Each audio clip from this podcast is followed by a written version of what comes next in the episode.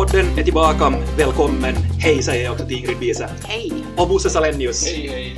Själv heter jag Jens Berg. 75% av proffssällskapet är samlat här för årets sista podd. Årtiondets sista podd dessutom. 2010-talet, Ingrid. Ja. Vad betyder det för dig? Vi, vi, vi, jag- jag varnar lyssnarna redan här. Vi kommer att tala ganska mycket samhälle, vi kommer att tala på ett övergripande plan och vi kommer att komma tillbaks till arbetsliv och till branscher och till ledarskap, jag lovar. Men om vi börjar med en öppen fråga till dig, 2010-talet, Ingrid.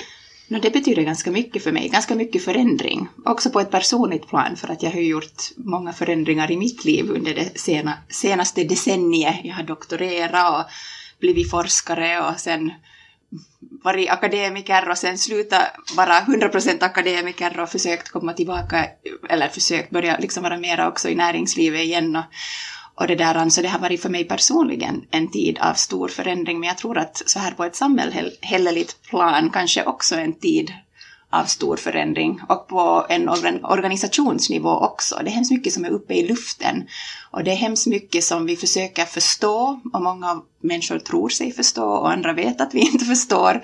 Och det ska bli intressant att se var allt landar. Då när jag känner mig så här optimistiskt så tänker jag att nu om någonsin så har man all möjlighet att påverka hur det kommer att landa. Men skulle du säga, Ingrid, någonstans att du exemplifierar det som har hänt under 2010-talet? När du räknar upp här ett karriärbyte och ganska många skiftningar och du har bott i olika länder och, och du har pendlat mellan näringsliv och uh, forskarvärlden och så. Att, att skulle du säga att du är ett barn av 2010-talet när vi talar om någon form av karriär eller jobb eller, eller så? Um, jo och nej. Um, kanske på ett sätt. Jag menar som ni- en del kanske vet så forskar jag ju det här om att byta karriär och, och ändra riktning och fundera på livsstilar och livsvärderingar och sånt här. Så, och jag tror att det också är faktiskt någonting som är på kommande. Så kanske på det sättet ja. Men på ett annat sätt nej, för att jag tror för mig personligen um, så här på ett professionellt plan, så också det här att jag har doktorerat och, och invigts i, i akademiskt kritiskt tänkande och sånt här, så tror jag går mot många av strömmarna som man, man ser i samhället, där istället för att öppna upp och försöka tänka objektivt och kritiskt så, så, så många tänker snävare och, och, och ser, har svårt kanske att se förbi det sammanhang som de finns i och de människorna som tänker lika som dem. Mm. Så det säger du Ingrid att det, en, att det har varit en tidstypisk grej under det decennium vi har, vi har levt. Hur, hur svarar du Bosse på, på samma, samma det öppna kom ju fråga? massor med, med goda uppslag där. Det, det var ju huvudet på spiken det där med att, att det har blivit snävare.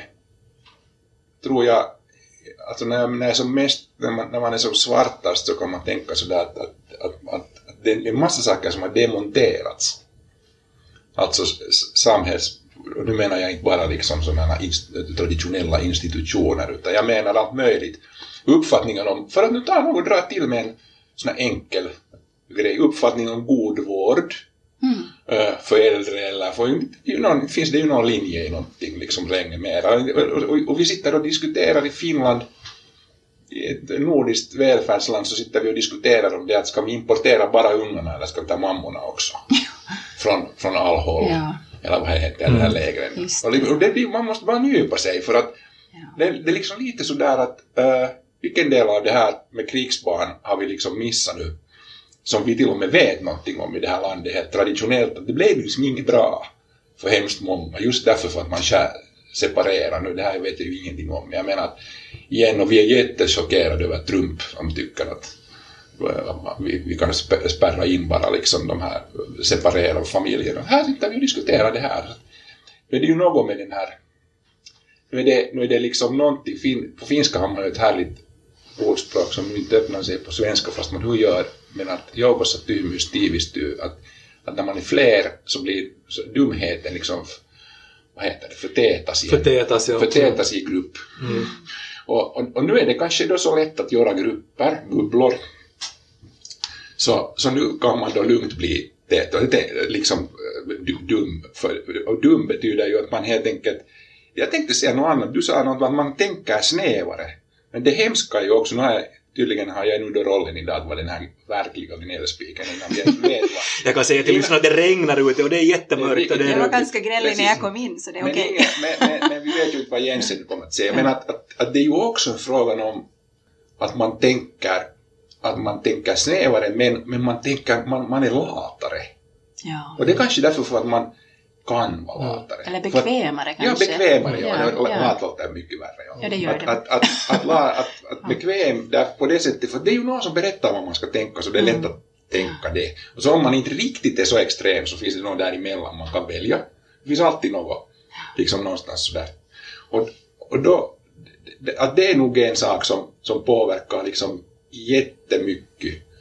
Eh, både om man nu sen går vidare och tänk, tänker ända hela vägen ut liksom till arbetsliv och, och annat sådär. Jag tänkte nu på det, sen, bara som en replik till din, det här, det som du ju verkligen har gått emot strömmen. Du, har ju, du är ju en av de få tänkte jag säga, men det är ju nog ganska många, men ändå, ändå inte hemskt många som faktiskt har beslutat sig på att bli riktigt bra på något.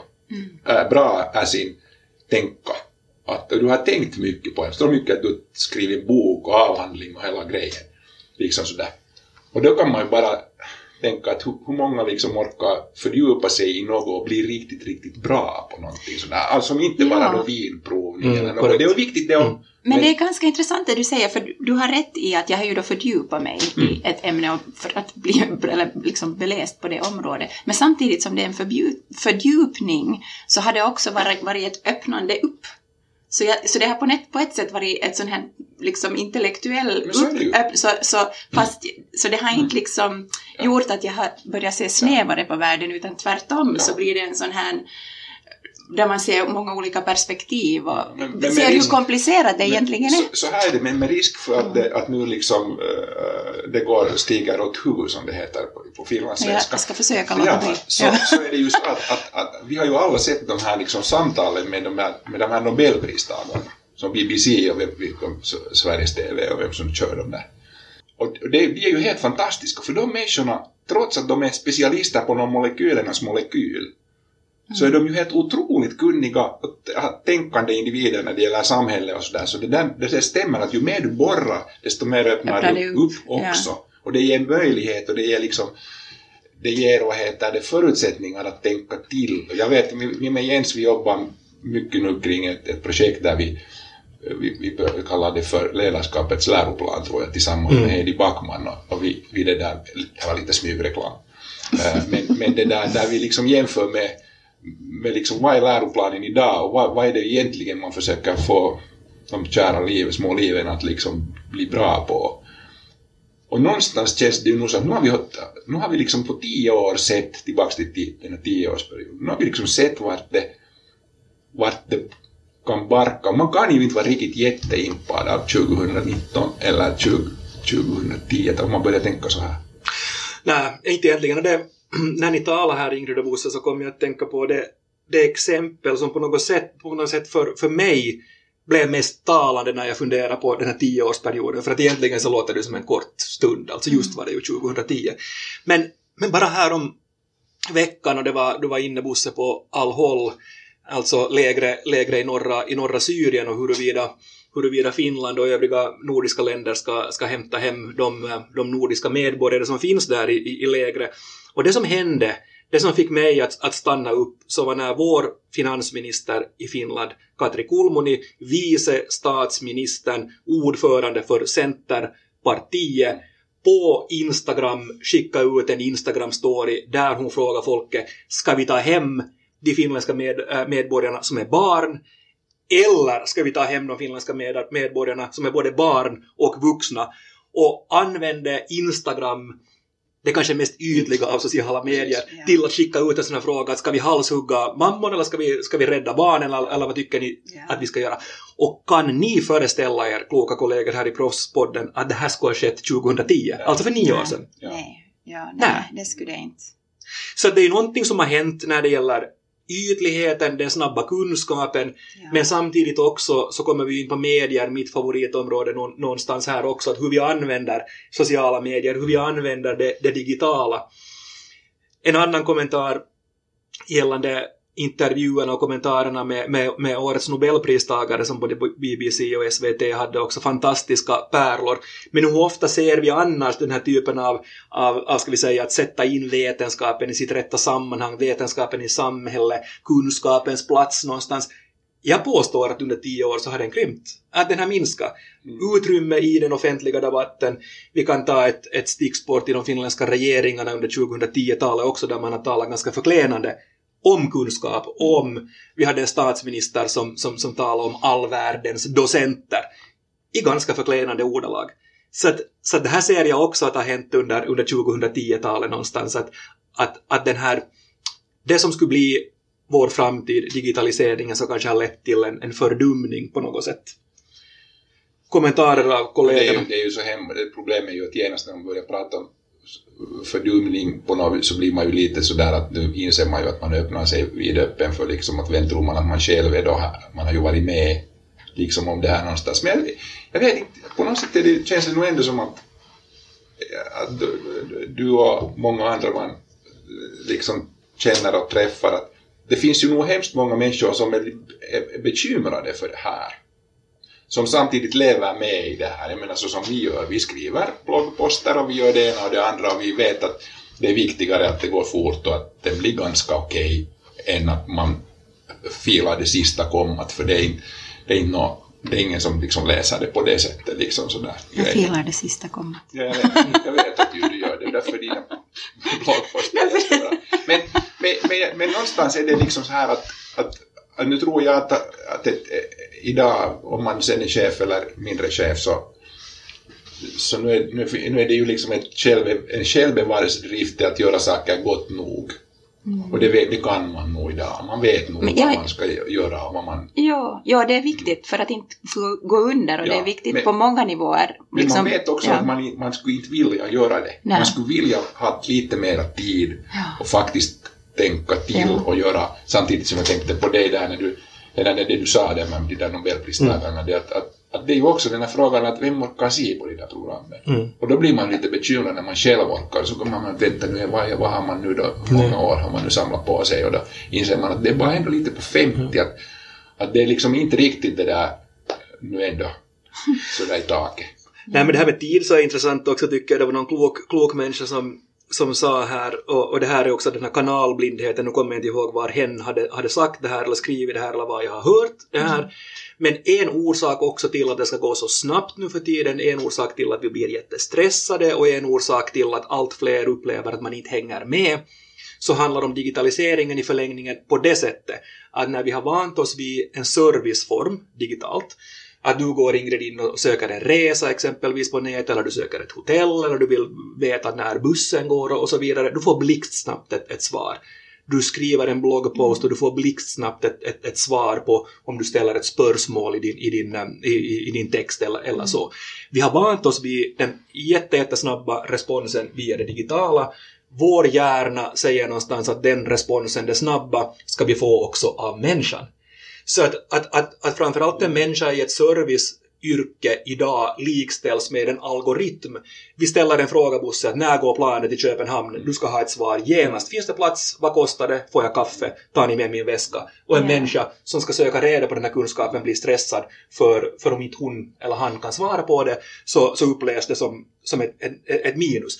Du som, du som kund också, får du en svar på ett e-postmeddelande av någon som, som levererar service inom två dagar Mm. så upplever de, men vad är det här för skräpservice? Men alltså det är snabbt, men det ska också vara färdigt tuggat. Och det gäller då, då det är just det här att när man söker information, men också när man får information i form av nyheter till exempel. Så, och där har ju algoritmerna också varit med, så det är också en del av digitaliseringen att vi får nyheter som är färdigt tuggat också på det sättet att vi får nyheter som är färdigt tuggat just för oss. Mm.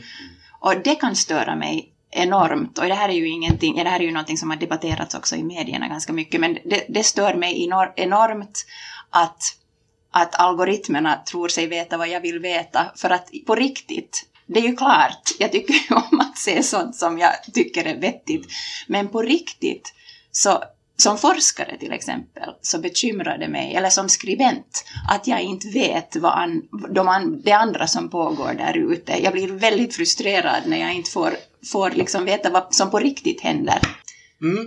Uh, digitaliseringen då, vi, vi står på randen till 2020-talet, vi räknar, vi räknar timmar nu till ett nytt decennium.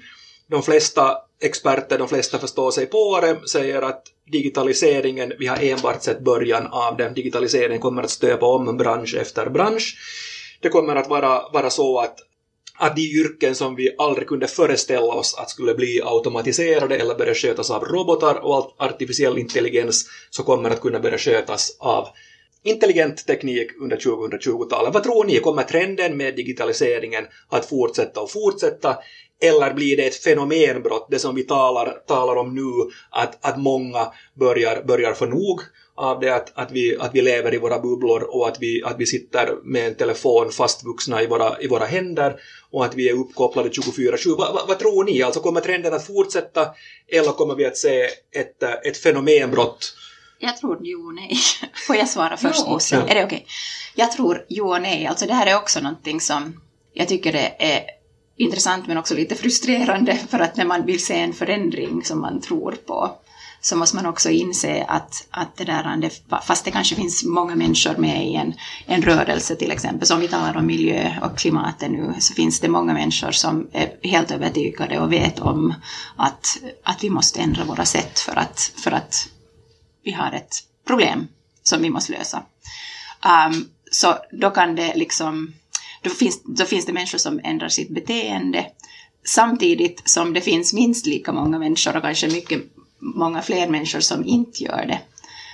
Man ser ju en splittring på det sättet, så jag tror att ja, och, och med alltid men när det är snabb förändring eller det är saker som händer så kommer det alltid ett sånt här mot um, vad heter det, liksom att motstånd, att, att, att människor gör motstånd, det är ganska naturligt. Och, och, vilket är säkert också hälsosamt för det, det, det, introducerar liksom olika perspektiv. Men, det där, men jag tror att jo och nej, jag tror att vi kommer att se det, men vi, det kommer också vara väldigt många människor som, som fortsätter med liksom, mm. den här Bara en kommentar Bosse, när du kommer, kommer in. Det som är intressant när vi talar om det polariserade samhället och bubblor och, och nu var du inne på, på, på klimat och på, och på miljö, Ingrid. Så, så de två partier, nu talar jag Finland, äh, de två partier som växer äh, kraftigast och har gjort det nu under de senaste åren så är ju motpolerna i den här frågan. Alltså klimatförnekarna, Sannfinländarna och det parti som slår på, på den största trumman och, och, och larmar, alltså de gröna. Mm. Och det är de här två som växer, växer mest. Det är också ganska talande för, det det, ja. för, för vår tid. Bosse? Jag, är, jag är ju liksom rädd, det är roligt med det Ingrid när du när du liksom låter som om det är lite så att det är ingen fara för sånt här har hänt förr i världshistorien. Och, och jag tycker det är stor fara, ja, det är lugnt. Menar jag med, Eller jag menar, det är inte lugnt. Nej, men, vad jag menar med det är det alltså att ja. det, det, är ingen fara liksom att det finns ja. föränd, så, här, så här förändringar gått för, ja. förut. Jag, jag är rädd för att den här förändringen är så stor. Det som pågår nu är så oöverskådlig att, att den boken är nog inte, jag har inte åtminstone jag, har svårt att säga vilken bok det är som kan berätta precis hur, det är inte ett paradigmskifte som pågår nu eller någonting, utan det är mycket svårare saker. Och det som, tycker jag, eller jag tycker också därför för att jag tycker, jag blir liksom orolig när det är en artikel om, om hur digitaliseringen har misslyckats helt. Och det som, den där riktiga poängen, det är Atlantic, nu minns jag inte vad artikeln heter, men det är alldeles, alldeles färsk och finns i The Atlantic. Och det där det som det stora problemet med de här, det var långt som fattigare den här, den här artikeln, de skyllde, skyllde uttryckligen digitaliseringen för att inte ha påverkat den fysiska världen. Och det kan man nog ta till sig, det kan man nog köpa. För att, att jag kommer att tänka, vi, vi, vi var med Ingrid på samma konferens för ett par veckor sedan och då var det en av våra eh, kollegor där så, så han, han konstaterade att i något sammanhang en, vad det nu Melbourne han pratar om som stad, där man alltså har byggt sådana stadsdelar och jättefint. Ja, men, men, men poängen är att man kommer inte mena från ena sidan av stan till den andra sidan av stan. Ja. Och ingen, ingen liksom har, bryr sig om det på något vis. Det vill säga, och jag tänkte på det när jag läste den här grejen, att, att, att, det finns många saker alltså i den fysiska världen som är uselt dåliga. Och nu talar jag inte bara om det som om miljön, som förstås är livsfarlig på för oss allihop på något vis. Men riktigt konkret, alltså, folk mår, unga mår dåliga, och det, det är på riktigt alltså. Unga människor mår, mår sämre än förut i vissa, vissa sammanhang. Och jag vet att vi ska tycka att det har blivit hemskt bra förut och folk dör med, mindre i mässling och det ena och det andra. Allt det där stämmer också.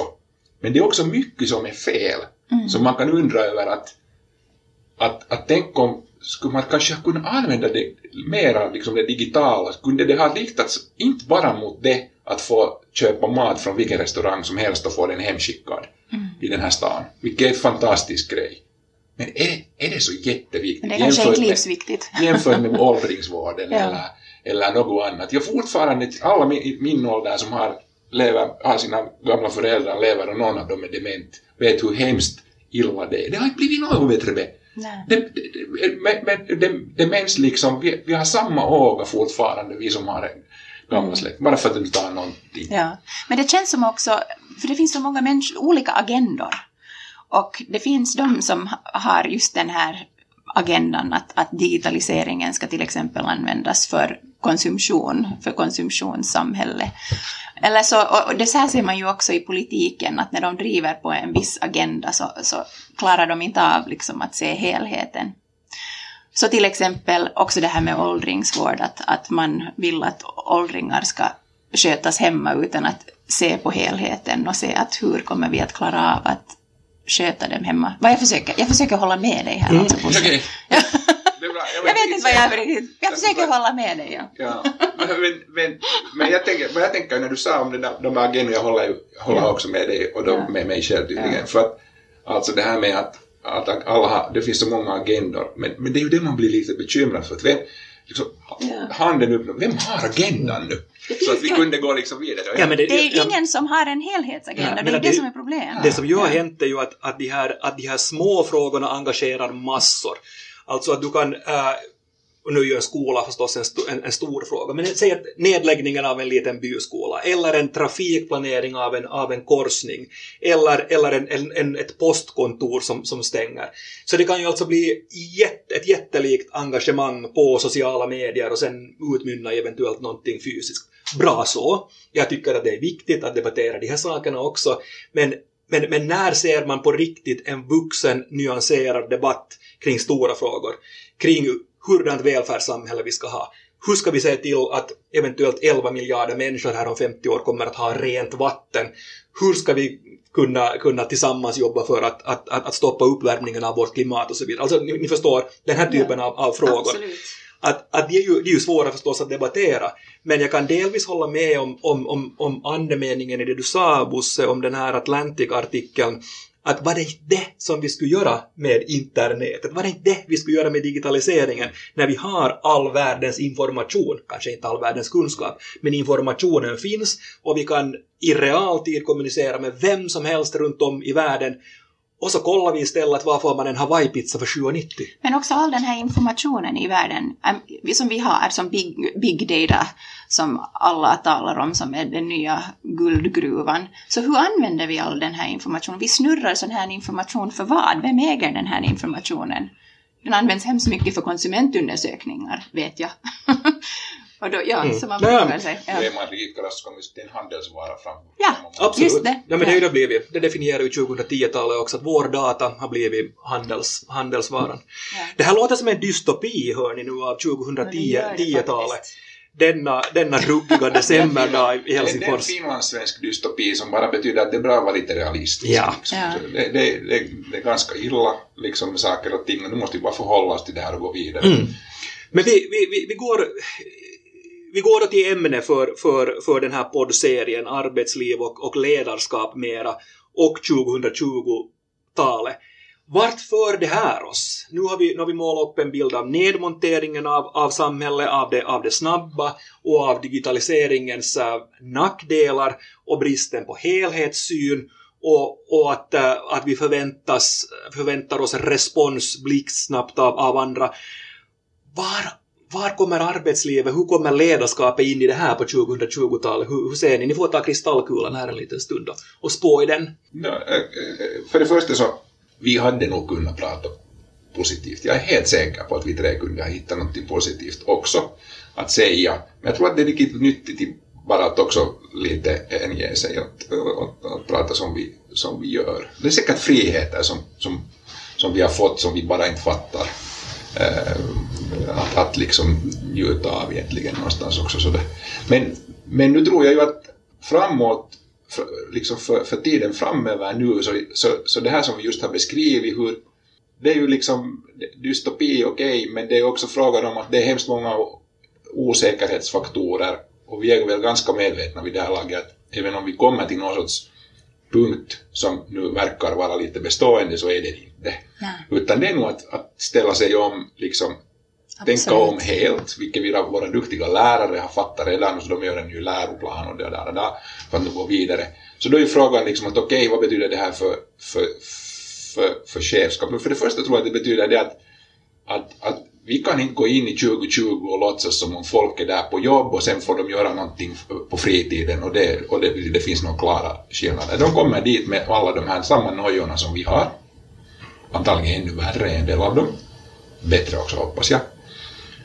Så, så folk har allt det här med sig i bagaget, de är hela människorna, de kommer dit, de har och, och, och, och sen har ju arbetslivet annars också luckrats, luckrats upp och luckrats upp så att att eh, jag menar de är de, man ser ju inte dem alla dagar heller sina kollegor utan de, de är var de nu är och tänk om de utsätts för de här dystopierna där utan att man övervakar dem.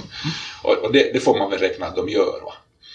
Att det, är nog, det är nog en sak åtminstone som, så, så nu, är, nu är det någon sorts beställning på ett annorlunda eh, ledarskap, alltså inte annorlunda från i år, eh, för vi har nog har varit där en god tid. Ja. Um, no, det här det som jag håller på och grottar ner mig i, i min forskning just nu är ju välmående, ganska mycket välmående på arbetsplatsen. Och, och en sak som bekymrar mig, um, som jag har sett, är ju också hur många människor som inte mår bra på grund av mycket av det som vi redan har diskuterat. Så att, um, men jag är optimistisk på det sättet, fast vi har, jag tycker inte att vi bara har varit pessimistiska, fast det var lite så. Men det där, men jag känner mig ganska optimistisk för att Um, jag tror att på många plan, när det gäller arbetsliv och det gäller miljö, det många saker, så är vi i en situation där vi är tvungna att göra någonting. Att, att vi, kan, vi, vi kan inte, eller kommer inte att kunna fortsätta som vi har, ehm, um, vilket inte en dålig sak alls. Um, så, och, ja, så jag känner mig ganska optimistisk och jag tror att det handlar mycket just med, med i ledarskapet då, och i organisationer Um, och i arbetssätt och kulturer så handlar det hemskt mycket om sånt som vi faktiskt redan har pratat om, en är tid. Um, vi är alla väldigt jäktade och vi vet också på någon nivå, forskningen har visat det här, men jag tror att man också vet det på någon nivå, att, att den här behovet eller det här trycket på att vara effektiv inte egentligen är så effektivt. Att ibland när vi har mera tid så är vi de facto mera effektiva och får mera till stånd. Um, när vi inte är så trötta och jäktade kanske. Um, så ena är tid. Um, en är kanske respekt. Respekt för individen och respekt för den hela människan, som du sa Bosse, att, att, att människor är hela människor som kommer, de är inte bara arbetstagare. Um, och vilket är kanske också någonting som, som är en bristvara idag på, på något plan när det gäller då sociala medier och, och olika människors olika agendor och sånt. Så respekt. Och sen kanske um, det som, kanske medmänsklighet, compassion som man säger på, på det där engelska, um, som kanske också är en bristvara med också den här vi talar om hatretorik och så här Um, inte för att jag tror att det finns hatretorik inom ledarskap på det sättet, um, men, men det behövs ändå någon form av medmänsklighet um, ja, när man går framåt. Jag skulle vilja tillägga till den där listan som jag håller gärna med den. Men jag, det är en sak som verkligen, jag tror att, man, att vi som kollegor och chefer och vad det nu kan vara, mer eller mindre ansvar ändå för, för andra människor också så, och för sig själv. Alltså vad va, va ska man ta till när, om, om, om, om det ser ut som att det mesta flyter? Mm. Vilket det kanske sammantaget gör. Man vet inte riktigt liksom vad som håller på att hända med olika saker och det är ingen av den som påstår att den vet. Så det, och, och, det, och det finns faktiskt ett medel att ta till som, som jag tycker hjälper. Och det är ju det att man faktiskt har ett perspektiv på något. Och, och, och, och ja, medmänsklighet, yes, check, check, check, allt det där, men också det att, att, att faktiskt själv ha en uppfattning, en, en syn på mm. någonting, så man vet var man står och man har en, om man bygger på ett, perspekt- ett, ett synsätt eller en, en kunskap, då är vi tillbaka till det som jag sa i början, det vill säga det att man fördjupar sig i någonting. Och jag är mest rädd, tillbaka till dystopin, jag är mest rädd liksom för att det, blir, det är en så jättetydlig uppdelning i, i våra arbet, liksom team och vår, våra arbetsplatser i folk som verkligen fördjupar sig och läser på och verkligen breddar sig och allt det där. För det är inte bara fördjup utan det är också liksom lär. De har ett sätt att ta till sig och att sovra, att bygga på och att skapa sin... De är nyfikna, de allt det här. Och så finns det de som, som bara flyter och, och nu får de mer rätt att göra det på sätt och vis. Det finns alltid någon orsak. Man är för jag är 54 år gammal, inte behöver jag mer, att snart är jag pension. Eller jag är jag har liksom några andra problem, att i den här branschen så är det nu de sista råttorna har redan försvunnit och nu är det bara vi kvar liksom här så för att prata om någon bransch. Och, och, och liksom så här, det finns alla möjliga svepskäl för det. Och utan kunskapen, alltså om man menar med kunskap menar perspektiv, vilket jag gör, så mår man, mår man dåligt. Mm. Det, det, Så att jag skulle vilja tillägga till det där att vi som i arbetsplats, se till att ingen får bara vara. Nej. Ingen får bara hållas liksom och bara flyta på och göra. Den är så duktig för den gör alltid, den ska göra det där för det är riktigt dens grej. Men blir det, blir det om, vi, om vi komprimerar det här ännu viktigare för ledaren, ännu viktigare för teamchefen, ännu viktigare för den som har den rollen att stå för helheten, stå för perspektivet, sätta in saker och ting i sitt sammanhang om det är så att vi, att vi snävar, snävar in, kanske inte enbart chefen då, utan alla medarbetares uppgift i det här samhället som vi målade upp här för en stund sedan. Att vara den som säger det här är vår syn, så här ser spelfältet ut runt omkring oss. Och vi, Våga utmana, det är ju nog en viktig sak. Att det, är inte bara det att kunna berätta utan också utmana och säga att det är det här vår syn och föra diskussionen och säga att nu tar vi den här timmen till att diskutera det här och fundera på det här och alla öppnar mun. Mm. Och, och det kan man säga på något snällt sätt också, man behöver inte säga det sådär. Utan man, att man, man verkligen ser till att alla är med i det, i det samtalet på något sätt. Det där kan man göra, det, det är alltså bra chefsbeteende. mm. Så att, sånt Så vi, vi har skrivit här, äh, jobb och fritid flyter allt mera in i varandra av de orsaker som vi, som vi nämnde här, här tidigare. Allt fler kommer att jobba på distans, välmående på grund av stress, på grund av, på grund av alla de förväntningar som finns, som finns på oss gällande snabbhet blir allt viktigare. Äh, tid, bristvaran, ännu, ännu mer. Det hade ju alltid, alltid varit, åtminstone under de 50 år jag har, jag har, jag har levt.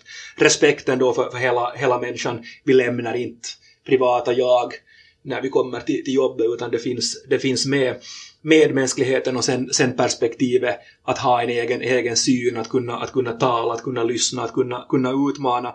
Det här, har vi, det här har vi nämnt och det här låter, låter bra i mina öron. Det som många säger gällande arbetslivet på 2020-talet är att vi kommer att jobba allt mera i projekt. Att det, att det blir början och slut på någonting och det handlar om omställningsprojekt och så. Hur ser ni på, på det? Är projekt någonting som klingar positivt eller negativt i era, era öron? Nå, när man är, tänkte säga född på 60-talet så kan man ju inte, och, och, och ekonom så det är klart att projekt liksom finns på något sätt i, i blodet, höll jag på att säga, någonstans i, hos en. Men, men, men om man nu till projekt, fine, men, men det finns något tillägg till projekt, alltså de, dagens projekt, de är ju framförallt relationer. Att arbete görs inte bara i projekt utan det görs i relation med andra. I det där berömda nätverket som låter lite kallt att kalla det nätverk. Men man, man jobbar, alltså det, vän, vänner och forskare som vi känner så pratar ju om att, att sådana som tittar på arbetsliv specifikt just på den här nätverksbiten, att, att vi väljer ju mer och mer att jobba, vi väljer vem vi, vi vill jobba med. Och, och din makt och din kraft är ju just där att du, du, du säger att ja, men jag vill jobba med liksom Ingrid och äh, inte med Jens för att, för att med Jens så blir det genast bråk eller någon annan sådär. Men att man vill ju, alltså vi, vi, för vi, vi vill jobba med dem som, som, som ger oss liksom idéer, som, där det också finns flyt och så vidare. Och det där blir ju, så projekt, jo, men det är inte projekt som i neutrala projekt utan det är mera liksom relations... Och man ska, sen, sen det du sa, man måste snabbt byta. Mm. Plötsligt in, om man är i flera, det är inte så att man jo, men jag jobbar nu bara så här. Nej. Men det, är det där, jag frågar Ingrid, det här är, är 2020-talets projekt samma som gigekonomi i dina öron? No, jag, jag vet inte, jag satt här och just funderade på det här, för alltså det finns ju, det finns ju två, eller flera sidor till allt. Och projekt och relationer kan också vara bra, men sen så finns det också en avigsida till det. Och det, det, det ger också, då det här är nu sociologen och forskaren, forskaren i mig som pratar, um, liksom det, det har bevisligen då också orsakat osäkerhet och, och svårare att, att skapa en egen liksom röd tråd och, och, och planera sitt liv och alla kanske inte heller är Eh, liksom funtade på det sättet. En del människor kanske trivs stort liksom trivs jättebra som fisken i vattnet i sådana situationer och för andra kan det kanske vara jobbigare. Att en sak som jag kanske kämpar med, liksom som man säger come to terms with på, på, engelska är just det här att, att ofta så tänker vi i sådana här antingen eller och, och, och saker blir um, populära, så, eller man tänker att det här är nu liksom, det, det, här är ett bra sätt att göra saker på och sen så går man in för det, så man går hemskt mycket sen kanske då in för projekt. Och då säger jag ju inte att projekt ska vara dåligt, mm. det är hemskt mycket som är bra med det. Mm. Um, men det är kanske problematiskt när man, man, man, om man blir liksom enspårig i det och tänker att allt ska fungera på det sättet eller alla ska fungera på det sättet. Och då har jag ju då inga, inga sådana här lätta svar till att vad är alternativ eller hur bygger man upp det liksom, jag, jag är klassen på den här punkten. Jag tror ju att att det, där, det är inget val. Alltså det är inte val att, att göra projekt eller inte projekt, utan de är, de, är för, de, är, de är för komplexa. Jag talar bara om det här lilla företaget där jag är eh, knappa tio människor som, som de är alldeles för stora helheter för att en ska klara av det. Det går ja. inte mer att ha en. Man, man kan inte ha det. Och projekt för mig betyder början och ett slut. Det är liksom, ja. det, det är inte no, det är också, än så. Ja, och jag menar man kan ju säkert bygga upp det på, det på olika sätt. Det behöver ju inte betyda att det är sådana flytande ja. team och man vet aldrig när man jobbar med nästa människa. Ja, nu har vi jättestora problem. Genast när vi, och vi fick här under året, utan att nämna något namn, så fick vi in en sån här ung och frenetiskt duktig, fin person som, som liksom kom med i någon sorts, och, och, hen blev då, hade lärt sig i, i skolan, för han han, hen, hen. Vad han ska, vad, vad, just, just, just vad heter det, uh, hur det ska gå till helt enkelt. Och så att vad är mitt ansvar? Och det var otroligt viktigt för den här personen. Och, och, och besviken hen han blev när, när hen han insåg att, att det kommer inte att finnas det där helhetsansvaret där jag kan gå omkring och liksom säga att det här är liksom mitt bord, det här. Utan i ett sånt här upplägg som det här och i den här branschen och sådär så, så, så, får du finna dig i att vara med på många, i många bord, du har lite mer ansvar för vissa saker och så vidare, men om du vill veta exakt hur mycket ansvar du har, sorry, can't help you. Ganska bra exempel det där på, på, på vart vi är på, på väg egentligen. Märkte du det när du tog det här konkreta exemplet? Jag, jag bara insåg det. Ja, men det, det, det var ett bra, för det summerar ganska... Nu får ni ta på er nyårshattarna. Okej. Okay. Yep, nu är det nyårsafton. Brukar ni ge nyårslöften? Ingrid Nej, jag tror inte på nyårslöften. no, jag ger, ja, vill du, ska man säga? Nej, alltså jag, jag, jag tänkte bara styra in på den sista frågan. Eller ska vi säga att, att jag, jag, jag, tycker att det, vet du, många har nyårs, eller kommer på vad de ska ha för nyårslöften och sen så när det, liksom, det blir så stort på något sätt och sen så blir det inte av. Så därför jag tycker att... Nej, men, men jag, tycker man kan göra löften året om. Alltså. Men ge, ge generellt ett, ett ledarskapslöfte som är allmänt som, eh, som ledare överlag i norra Europa under 2020-talet borde, borde lova, lova sig, sin omgivning, sitt team när hen stöper nyårs lyckan här om några, om några dagar och uttalar orden Ingrid Wiese vad? Jag är rädd att jag kommer börja låta som en söndrig skivspelare, men jag tänker säga det. Jag säger det säkert under varje podd. Ta dig tiden att lära känna de människorna du jobbar med. Ja, men det är fint. Ja. Jättebra. Bosse, Tack. det generella nyårslöftet för världens samlade Jag är ledarskap. så jättemedveten, tycker jag själv, om mina brister som, som liksom kollega och chef att det är riktigt hemskt. Alltså sådär som att det finns, menar med det att det finns inte, så, inte hemskt att jag är medveten utan att det finns så förskräckligt mycket av de där grejerna att jobba på. Så jag tänker nog fortsätta på det, framförallt på kommunikationen. För nu har jag liksom, får jag ju dra slutsatsen att, att, att inte vet jag vad det beror på, men att någonstans så, så låter jag hela tiden som jag är helt för bullrig, helt för säker på saker och ting och jag kör över folk allt vad jag Så att det här tänker jag nu igen försöka fortsätta bara med att, att vara liksom det är ju ingen som riktigt tror på att jag försöker, men jag vet, jag tänker ändå försöka. Jag tycker det låter fint. Mm. Uh, mitt blir ungefär så här. Jag lovar att nästa år lyssna mera på den som är tystast i vanliga fall i teamet. Vilket fint det blev det här sammanhanget. Blev det inte vackert? Det var jättevackert. Det var nästan som vi skulle öva. Men Nyårs... märkte ni att ni, ni, ni har nyårslöften? Jag bara sa vad andra människor ska ha för nyårslöften. Det här var generellt. Ni hör nyårsklockorna klämtar i bakgrunden. Vi får önska ett gott nytt jobb och ledarskapsår 2020. Tack säger jag till Ingrid. Tack. Tack till, till Bosse. Tack, Tack, kära Tack lyssnare. Jens för Tackar. gott ordförandeskap i vår. Det är inte riktigt lätt ska man säga här. Som Men det här, var mitt, det här var mitt uppdrag, mitt ansvarsområde, mitt lilla ansvarsområde, mitt bord. Jag fick ha det. Eller kände, jag- det kändes... Och du är bra på det. Mera, mera. Tack lyssnare för att ni har varit, varit med oss under det här året. Nya tag, nya poddar från Proffsgänget nästa år. Gott nytt år. Den här podden är en del av Proffs. Gå in på proffs.me och bli medlem.